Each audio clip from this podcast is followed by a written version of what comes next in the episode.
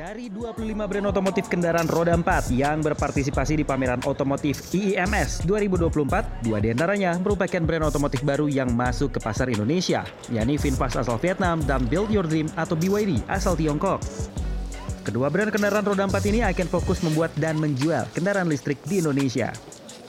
VinFast asal Vietnam didirikan pada 2017 dan berada di bawah naungan Vingroup yang fokus pada sektor industri Vietnam.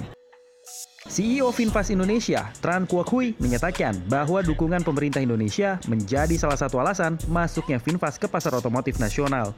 Indonesia is like, you know, one of the first market outside Vietnam in Asia that VinFast decide to come into, and there's a lot of good reason for it. First of all, I think in terms of scale, you already have the scale there. The market, you know, annually total volume is like on average around 1 million total units sold every year.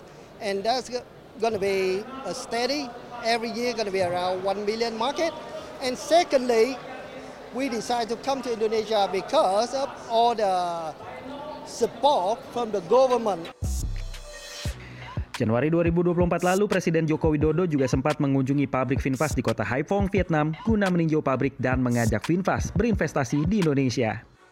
VinFast mengaku siap membangun pabrik perakitan mobil listrik di Indonesia. Kapasitas produksi tahap awal sekitar 50 ribu unit per tahun dengan nilai investasi mencapai 18,7 triliun rupiah. Selain VinFast, ada Build Your Dream atau BYD yang merupakan perusahaan otomotif khusus kendaraan listrik sejak tahun 1995 di Tiongkok.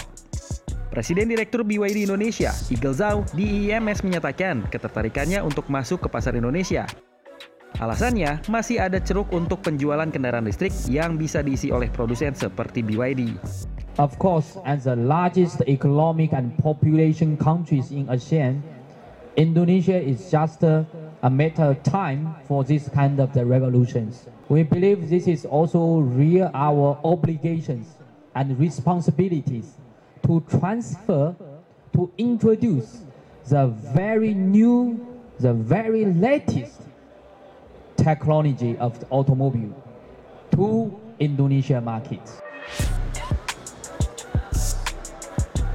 BYD menyampaikan bahwa investasi yang akan mereka gelontorkan untuk membangun pabrik pembuatan kendaraan listrik di Indonesia mencapai 20,3 triliun rupiah dengan kapasitas produksi 150 ribu unit per tahun.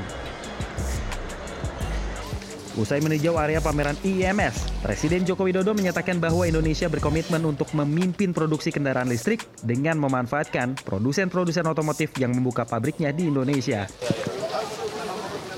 Semuanya, semuanya kita dorong agar uh, tujuannya agar semuanya berproduksi di Indonesia.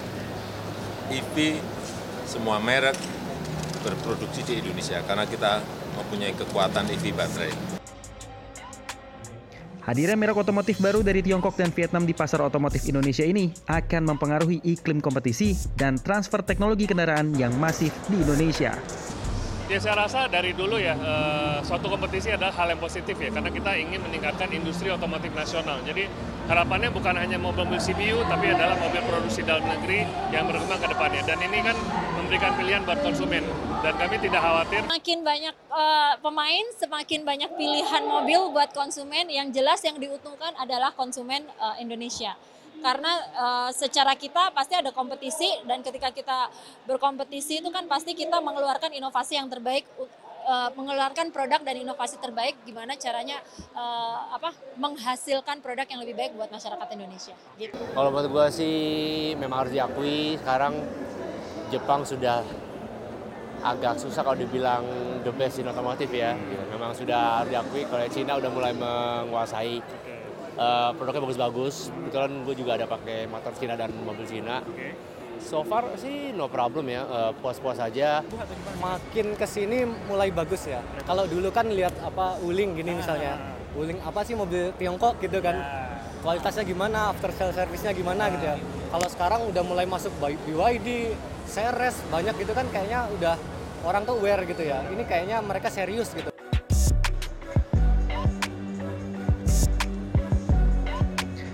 Dua merek baru di pasar otomotif nasional ini harus menyiapkan strategi agar bisa mendapatkan kepercayaan dari para pelanggan yang ada di Indonesia. Tim Liputan CNN Indonesia.